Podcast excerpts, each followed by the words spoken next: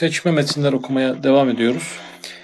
25. sözden 3 tane metin seçmiştik. Kur'an medeniyetiyle medeniyeti hazıranın kıyasları yapılmıştı. Bugün de onun devamı sayılabilecek başka bir metin okuyoruz. Dördüncü esas. Sanem perestliği şiddetle Kur'an men ettiği gibi sanem perestliğin bir nevi taklidi olan suret perestliği de men eder. Kur'an-ı Kerim indiği toplumda putperestlik yaygındı. E, onu şiddetle yasakladı. Fakat bir taklidi çıktı. Yani artık o e, putlar yapılamaz, onlara ibadet edilemez oldu ama arkadan onu devam ettiren bir taklit çıktı. Suret perestlik. Burada puta tapmak yerine e, bir takım ibadethanelerin içerisinde bir takım insan figürleri, e, o figürlere tapmak, o, o insanların figürlerini hayatın içerisine taşıyıp onların çizimlerine, resimlerine e, tapmak gibi bir şekilde kendini devam ettirme fırsatı e, buldu. Kur'an-ı Kerim bunu da reddeder. Resme tapmayı, resimdeki e, insanları yüceltmeyi, onları ululamayı, onlara hürmet ve alaka göstermeyi, onların önünde eğilmeyi putperestlik gibi görür, onu da men eder. Medeniyet ise suretleri kendi mehasininden sayıp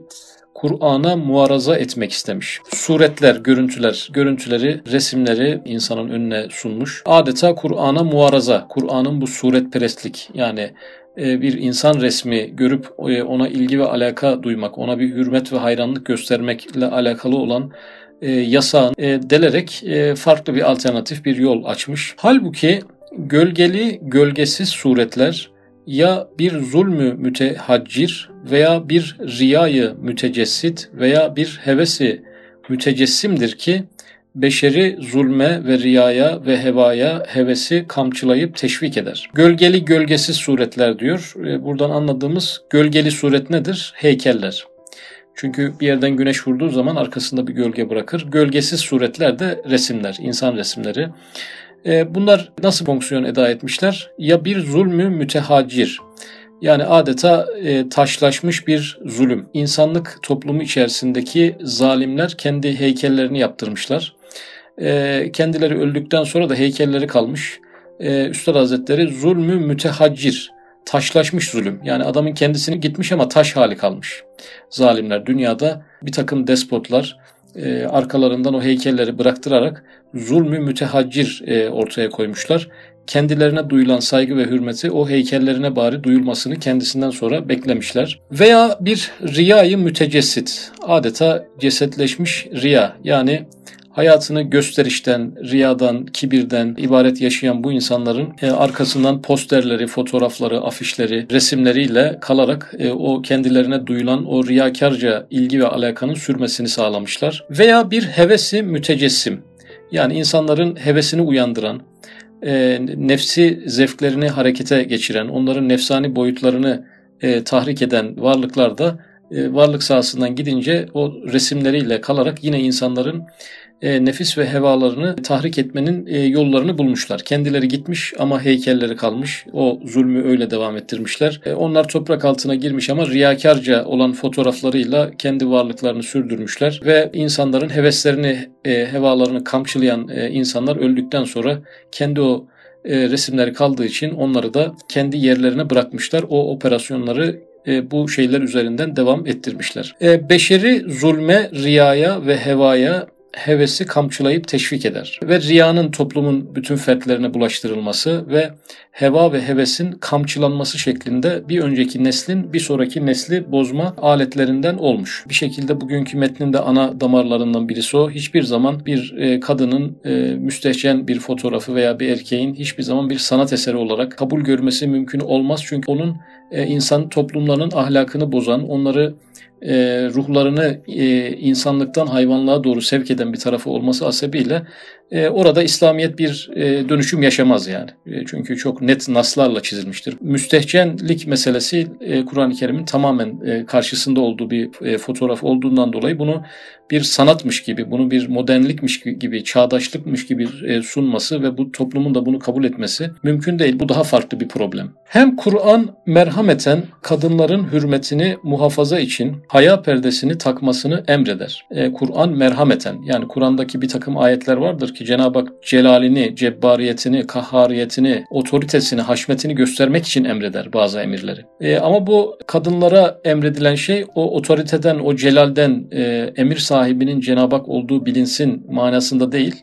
merhameten yani Allah insanlara acımış da onlara bazı çözüm yolları göstermiş. Bunlardan birisi de o. Kadınların hürmetini muhafaza için yani kadının toplumdaki saygınlığını bir e, kadının kendisine olan saygınlığını e, yitirmemesi açısından haya perdesi takmasını emreder. Ta hevesatı rezilenin ayağı altında o şefkat madenleri zillet çekmesinler. Yani rezil heveslerin karşısında şefkat madeni olan o yüce e, varlıklar, e, o anne, o kadın, o eş, e, onların insanların rezil hevesleri altında değerlerinin aşağıya inmemesi açısından bu emir e, onlara ulaştırılmış. Medeniyet ise kadınları yuvalarından e, çıkarmış, perdelerini yırtıp beşeri de baştan hayattan çıkarmıştır. Tabi kadınların yuvalarından çıkmasıyla alakalı kadının iş hayatındaki yerinin e, İslam'ın açık tuttuğu noktaları iyi düşünmek lazım. Kadın bilgisiyle, birikimiyle, yetenekleriyle e, çalışabilir. E, buna İslam cevaz veriyor. Efendimiz Aleyhisselatü Vesselam'ın e, zevcelerinden, annelerimizden bir tanesi de kendi eliyle kazandığı şeyden infak ediyordu. Orada örneklerini görüyoruz. Burada bir yasak yok. Kadın bilgisiyle doktor olabilir, bilgisiyle öğretmen olabilir. Kendi zihinsel birikimleriyle birçok şey yapabilir yani. Fakat e, kadın kadınlığıyla, kadınlığı üzerinden, kadın sılığı üzerinden bir takım meslekler yapmasına İslamiyet e, müsaade etmez. Orada bir yetenek, bir bilgi değil. Sadece bir görüntü, görünüş. O da kendisine has olan görünüşün kullanılması hasebiyle İslamiyet burada e, yetenekten ziyade e, bir beden kullanımı, bir mal gibi, bir meta gibi, bir malzeme gibi, bir eşya gibi kadının kullanıldığını gördüğü için e, kadının kendisine bu kadar saygısızlık yapmasına izin vermez. Sen bir mal değilsin, sen bir eşya değilsin. E, buralarda bir kırmızı çizgi çizer. Yoksa kendi eğitimiyle e, insanlara faydalı olma noktasında İslam tarihi boyunca e, bir daraltılma olmamıştır. Halbuki aile hayatı kadın erkek mabeyninde mütekabil hürmet ve muhabbetle devam eder. Kur'an'ın ortaya koyduğu şeyler yapılmadığından dolayı medeniyeti hazıra aileyi mutlu hale getirememiştir. Mutlu bir aile portresi ortaya çıkaramamıştır. Hususen suret perestlik, ahlakı fena halde sarstığı ve sukutu ruha sebebiyet verdiği şununla anlaşılır. Resimler ve fotoğraflar yani bu e, sürekli insanların fotoğraflarını yayınlaması, e, şekilleriyle sürekli gündeme gelmesi, bedenleriyle sürekli gündeme gelmesi resim e, manası. İkincisi de tabii insanlar görüntüleriyle, dış görünüşleriyle gündeme gelmesi ve bu sayede bir yerlere yükselmeleri gibi algılanabilir. Ahlakı sarstığını ifade ediyor ve sukutu ruha sebebiyet verdiğini. İnsanın ruhu sukut, düşüşe geçmiş. Yani ruhun fonksiyonlarını eda edemez bir toplum haline getirilmiş. Çünkü harama nazar en basitinden İmam Şafii'nin ifadesiyle zihne nisyan verir. Unutkanlık hastalığının sebebidir. Hadis-i şeriflerin ifadesiyle rızıkta noksaniyete sebebiyettir. E, fakat bu tür hadislerin e, genel yapısına baktığımız zaman insanın aslında latifelerini bozan, ruh cephesini tahrip eden, ahiretteki cezalarını bırakalım, bu dünyada kişinin bir takım kabiliyetlerini öldüren, insani fonksiyonlarını bozan bir tarafı olduğu e, anlaşılıyor başlıyor. İşte şu üç misal gibi binler mesaili Kur'aniyenin her birisi saadeti beşeriyeyi dünyada temine hizmet etmekle beraber hayatı ebediyesine de hizmet eder. Yani Kur'an'ın düsturları sadece insanlık toplumunun ahiret hayatında e, saadete ermesini değil, aynı zamanda dünya hayatında saadete ermesini, aile hayatında saadete ermesini sağlar. Aynen onun gibi medeniyetin edebiyat ve belagatı da Kur'an'ın edep ve belagatına karşı nispeti. Burada günümüzün e, edebiyatı, sanatı, şiiri, müziğinin e, Kur'an'ın bize sunduğu sanatla, edebiyatla ve elbette Kur'an'ın kendine göre bir müziği var e, o müzikle bir de bunu kıyaslayalım. E, Kur'an medeniyetiyle medeniyeti hazırayı her türlü yönden kıyasladığı için bir de e, sanatsal yönden bakalım. Hiç e, ilmi ameli bakmayalım da bir de bu yönden bakalım diyor. Öksüz bir yetimin muzlim bir hüzün ile ümitsiz ağlayışı hem sufli bir vaziyette sarhoş bir ayyaşın velveleyi gınasının şarkı demektir nispetiyle. Yani günümüz medeniyetinin ürettiği müzikten başlayalım.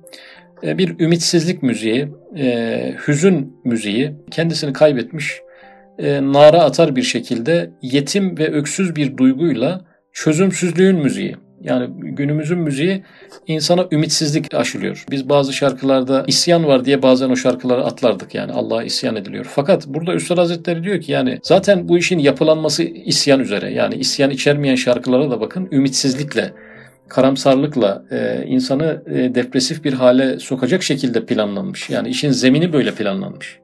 E, ümit veren şarkılar ancak çocuk şarkısı olur yani. Bir işe yaramaz. Kimse onları gündemde tutmaz. Dolayısıyla e, Türkiye'de en çok dinlenen videoları bir YouTube'da sıralasak yani müzik bakımından onlardan bir 15-20 tanesini incelesek insanın acaba depresif halini arttırıyor mu e, azaltıyor mu diye baksak e, cevap birincisi çıkacaktır. Yani insanlar bile bile kendini üzmek için üzüntülerini arttırmak için, üzüntüleri yoksa oluşturmak üzere bir müzik hayatı içerisine e, giriyorlar.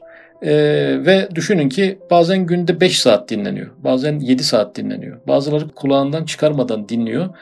Bu bir telkin aslında. Yani sen bittin, mahvoldun, perişan oldun e, telkini. Bir insan bunu günde 5-6 saat yüklediği zaman e, normal psikolojide artık kalması düşünülemez. Bunun zemini zaten böyle. Öbür türlüsüne şarkı demezler. Yani üzmeyen bir e, filme sanat demezler yani. İnsanı yetimane bir hüzne, çözümsüz bir drama ancak sevk etmesi icap eder. Bunu kriter olarak e, sunuyor günümüzün sanatı. Kur'an-ı Kerim de bunun karşısına ne koyuyor onu anlatacak birazdan. Ulvi bir aşığın muvakkat bir iftiraktan müştakane, ümitkarane bir hüzün ile gınası. Bu sefer evet karşı tarafta yine ağlayan biri var ama ulvi bir aşık. Fanilere aşık olmamış, yücelere aşık olmuş. O da feryat ediyor. Mevlana Hazretleri gibi, ney gibi inliyor. Muvakkat bir iftiraktan yani geçici bir ayrılıktan dem vuruyor bu sefer. Yani kavuşması olacak, kavuşması garantili bir ayrılığın hüznü içerisinde. Ümitkarane bir hüzün. Bir hüzün ama içinde ümit olan bir hüzün. Mevlana'nın hüznü, Bediüzzaman Hazretlerinin hüznü, sahabenin hüznü. Yani Allah'a kavuşacaklar, dostlarına kavuşacaklar. Vefat ettikleri zaman Resul Aleyhisselatü Vesselam'a kavuşacaklar. Ee, her şeyin bir çözümü var. Bütün kainatı idare eden bir Rabbimiz var. Dolayısıyla o da inliyor, o da yankılı bir şeyler söylüyor. Dışarıdan hani e, müzikten anlayan biri varsa o da bir müzik e, yapıyor. Öbürü gibi değil yani. O içkiyle, gafletle, medeniyet hazıranın oyuncaklarıyla sarhoş. Öbürü tasavvuftaki sekir hali, Allah sevgisiyle e, sermest olmuş. İkisinin sekir hali var ama birisi haram yoldan ona gitmiş, birisi caiz olan bir noktada gitmiş. Kur'an-ı Kerim hüznü öneriyor mu? Öneriyor yani. Yüceltiyor mu? Yüceltiyor. Ama hangi hüznü? Arabesk bir hüznü yüceltmiyor hakiki ve ulvi bir insana yakışan hüznü yüceltiyor. Hem zafer veya harbe ve ulvi fedakarlıklara sevk etmek için teşvik karane kasaidi vataniyeye nispeti gibidir. Yani zafer için çalınan e, bir takım marşlar gibi e, insanları ulvi fedakarlıklara sevk etmek için e, söylenen müzikler gibi bir müziği var.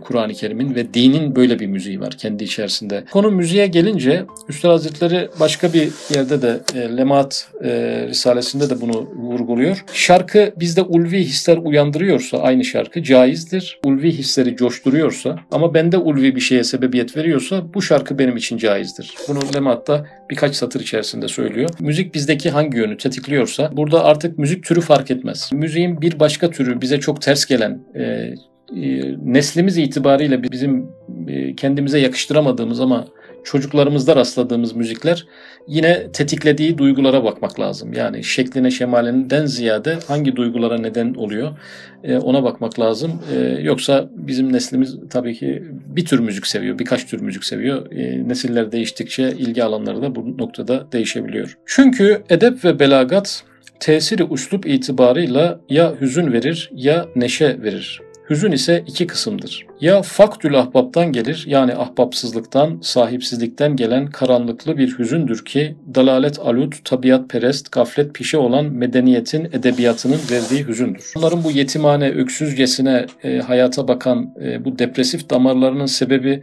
e, o müzikleri yapan adamlar değil. Onun sebebi tabiat perestlik, altta yatan bir materyalizm, hayatı Cenab-ı Hak'tan kopuk bir şekilde okumak. Öyle olunca hayatı yöneten birisi yoksa, e, her şeye kadir olan bir varlık yoksa, sistem de böyle kurulacaksa, kendiliğinden gelmişse e, şu ana kadar, e, bir yöneteni yoksa bu kainatın, siz bu müziği yaparken de ümitli bir müzik yapamazsınız. Uzayda bir boşlukta bir gezegen üzerinde dönüyorsunuz. Kainatta bir denge bile bozulsa her şey yıkılacak bir şekilde dengesiz bir şeyin içerisinde gidiyorsunuz. E, buna rağmen ümitli bir şarkı yazacaksınız. Bu tutarsız bir şey olur. Çünkü kainatın tamamı ümitsizlikten ibaretken bir insan ümitli bir şarkıyı nasıl yazar? Bu yalan olur yani. Bir sanatçı da kendine yalan söylemek istemez. Dolayısıyla Üstad Hazretleri burada medeniyetin edebiyatı bir hüzün veriyorsa edebiyatçılardan kaynaklı değil yani. Onların e, kökenlerinde inançsızlığın kodları, materyalizmin kodlarının tetiklediği ama artık onu da unutturacak derecede karşımıza sevgi, aşk falan gibi çıkan müzikler bunlar. E, ama her şeyde bir e, ümitsizlik. Sonu hiçbirisi güzel bir yere çıkmayacak şekilde olmasının sebebi inançsız kökenlerinden kaynaklanıyor. Zannetmeyin ki sadece onları, o sözleri yazan insanların e, depresif problemlerinden. Hayır yani bu bir inanç ve inançsızlık meselesi edebiyata böyle sızıyor. Karşımıza inanç e, mevzusunu halletmiş şekilde oradan bağımsız gibi çıksa bile kökenlerde bu e, mesele olduğu ifade ediliyor. Dalalet e, alut, tabiat perest, gaflet pişe bu üç kavram e, aslında hüzünlü edebiyatın üç tane kaynağı. İkinci hüzün firakul ahbaptan gelir. Yani ahbap var, firakında müştekane bir hüzün verir. Dostlardan ayrılık var veya insanın kaybettiği şeyler var, kaybettiği sevgililer var, kaybettiği imkanları var, elinden kaçırdığı şeyler var, sağlığı bozulmuş, e, iş yeri iflas etmiş falan filan. Fakat ahbap var, yani dost var, dostların dostu var, her şeyi düzene sokabilecek birisi var. İster sokar ister sokmaz ama o orada duruyor e, diye düşününce ona göre bir müzik felsefesi ortaya çıkmış oluyor. İşte şu hüzün Hidayet Eda, Nur Efşan, Kur'an'ın verdiği hüzündür. Kur'an da böyle bir hüzün verir. İnsana hüzünü yakıştırır Kur'an-ı Kerim. E, ona e, bütün ayetleriyle, bütün musikisiyle o hüznü içirir, yudum yudum içirir. E, ama hep kavuşma üzere bir hüzündür bu. Yani insanı hüzünlendirir fakat e, kilitleyen bir hüzün değildir. İnsanı coşturan bir hüzündür. İnsanı hareketlendiren bir hüzündür. İnsanı bir şeyler yapmaya e, iten e, bir hüzündür. Ama neşe ise o da iki kısımdır. Hep hüzüne ihtiyacımız yok yani. Bir de neşeye ihtiyacımız var. Birisi nefsi hevesatına teşvik eder. O da tiyatrocu, sinemacı, romancı medeniyetin edebiyatının şenidir. Burada da yine aynı ayrımı yapmak lazım. Bir tiyatro, bir sinema veya bir roman insanda ulvi hisleri tetikliyorsa caizdir kişinin kendisi için. Sufli ve ümitsiz e, ve depresif şeyleri tetikliyorsa onu hayattan koparıyorsa, onu sosyal ilişkilerden koparıyorsa, başarısızlığa doğru itiyorsa, inançsızlığa doğru itiyorsa bu Üstad Hazretlerine göre sakıncalıdır. İkinci neşe nefsi susturup ruhu, kalbi, aklı, sırrı, maaliyata yani yüce duygulara, vatan aslilerine yani latifelerimizi gerçek vatanlarına, makarrı ebedilerine yani ana vatanlarına, ahbab-ı uhrevilerine yetişmek için latif ve edepli, masumane bir teşviktir ki o da cennet ve saadeti ebediyeye ve rüyeti cemalullah'a beşeri sevk eden ve şevke getiren Kur'an-ı Mucizül Beyan'ın verdiği neşedir. Kur'an bu neşeyi veriyor arkadaşlar. O lezzeti, o lezzeti e, ve zevki herkes e, erişemeyebiliyor. Kur'an okurken bu zevkleri tatmaya, bu bir zevk meselesi. İnsan klasik müzik zevkini de kolay kazanamıyor. Bir kitap okuma zevkini de kolay kazanamıyor. Namaz kılmada bir zevk var elbette. O zevk kolay mı kazanılıyor? Biz henüz kazanamadık ama kazanan insanlar bir meşakkat çekmişler yani. Öyle ilk kıldığı namazda e, coşkulu bir şekilde bir şeyler olmamış. Dolayısıyla Kur'an-ı Kerim e, bizim ruhumuzu, aklımızı, sırrımızı doyuruyor yani bir zevk veriyor, bir neşe e, veriyor e, onu okumayı bilenlere. Fakat burada madem biz bunu Kur'an'dan doğrudan alamayacak seviyedeysek şayet e, burada üstü kapalı bir tavsiye de var. Tiyatroyu, sinemayı, romanı insanın latifelerini yüce duygulara kamçılayacak şekilde organize etmeye çalışıp o duyguları oralardan da kamçılamak bari en azından. Yani Kur'an'ın verdiği neşeyi e, sinemadan, tiyatrodan ve romandan da verebilmeye çalışmak gibi bir kapalı devre, bir nasihat da burada e, olduğu anlaşılıyor. İşte bir ayet-i kerime var. De ki yemin ederim bu Kur'an'ın bir benzerini ortaya koymak için ins ve cin bir araya gelip birbirine destek olsa dahi onun bir benzerini ortaya koyamazlar ayeti ifade ettiği azim mana ve büyük hakikat kasirul fehm olanlarca yani dar anlayışlı insanlarca ve dikkatsizlikle mübalağalı bir belagat için muhal bir suret zannediliyor. Haşa, mübalağa değil, muhal bir suret değil, aynı hakikat bir belagat ve mümkün ve vaki bir surettedir. Yani Kur'an'ın benzeri yapılamaz ama Kur'an'ın o zevkine eren, ondan gerekli neşeyi ve gerekli hüznü alabilen bir insan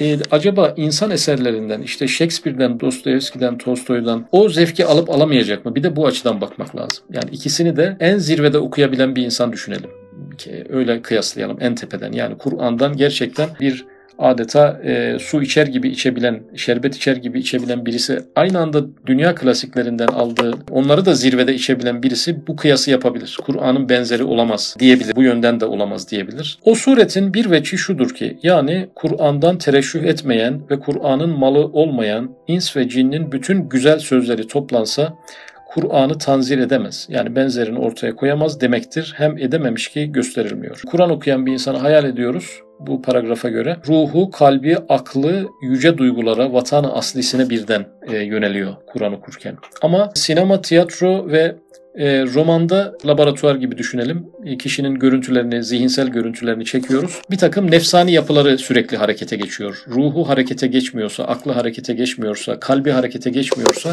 demek ki insan makinasının, insanı bir makine farz edersek, e, insanın ruh makinasının bütün çarklarını harekete geçiren şey Kur'an'da var. Bir kısım çarklarını harekete geçiren beşer eserleri o da e, ulvi yapılarını değil, insanın sufli, aşağı doğru biyolojik tarafına yönelik yapılarını harekete geçiren eserler. O zaman bunu gerçekten iyi analiz eden birisi e, Kur'an'ın benzeri bu yönden de yapılamaz. İnsana yaptılar bakımından da bir beşer böyle bir eser üretemez noktasına gelecektir. İkinci veci şudur ki cin ve insin hatta şeytanların neticeyi efkarları ve muhasalayı mesaileri olan medeniyet ve hikmeti felsefe ve edebiyatı ecnebiye. Yani arkadaşlar edebiyatı ecnebiye, hikmeti felsefe ve medeniyet nasıl oluşmuş? İnsanların fikirleri birikmiş. Yani insanların fikirleri kendi aralarında birikmiş. Cinlerin fikirlerinden bahsediyor. Cinlerin fikirleri de birikip insanların fikirlerine eklenmiş. Demek ki bu e, bilimsel gelişmelerde falan cinlerin de bir takım insanlara teklifleri var, bir yönlendirmeleri var yani. İnsanın önünü açan bir tarafı var. E, muhassalayı mesaileri e, toplanmış. Onlar da bugünkü medeniyete bir e, fikir vermişler. Bunun böyle oluşması için ilhamlar insanlara göndermişler. O üçünün de, üç grubun da telkinleriyle bugünkü hikmeti felsefe, edebiyatı ecnebiye ve medeniyeti hazıra oluşmuş. Kur'an'ın ahkam ve hikmet ve belagatına karşı aciz derekesindedirler demektir. Burada sadece bu metinde Kur'an'ın belagatıyla hikmetin, felsefenin, edebiyatın e, belagatı arasında bir kıyas yapıldı. Onların hepsi toplansa Kur'an-ı Kerim'in belagatına yetişemezler. Manasında bir tekrar bir medeniyet değerlendirmesi yapılmış oldu.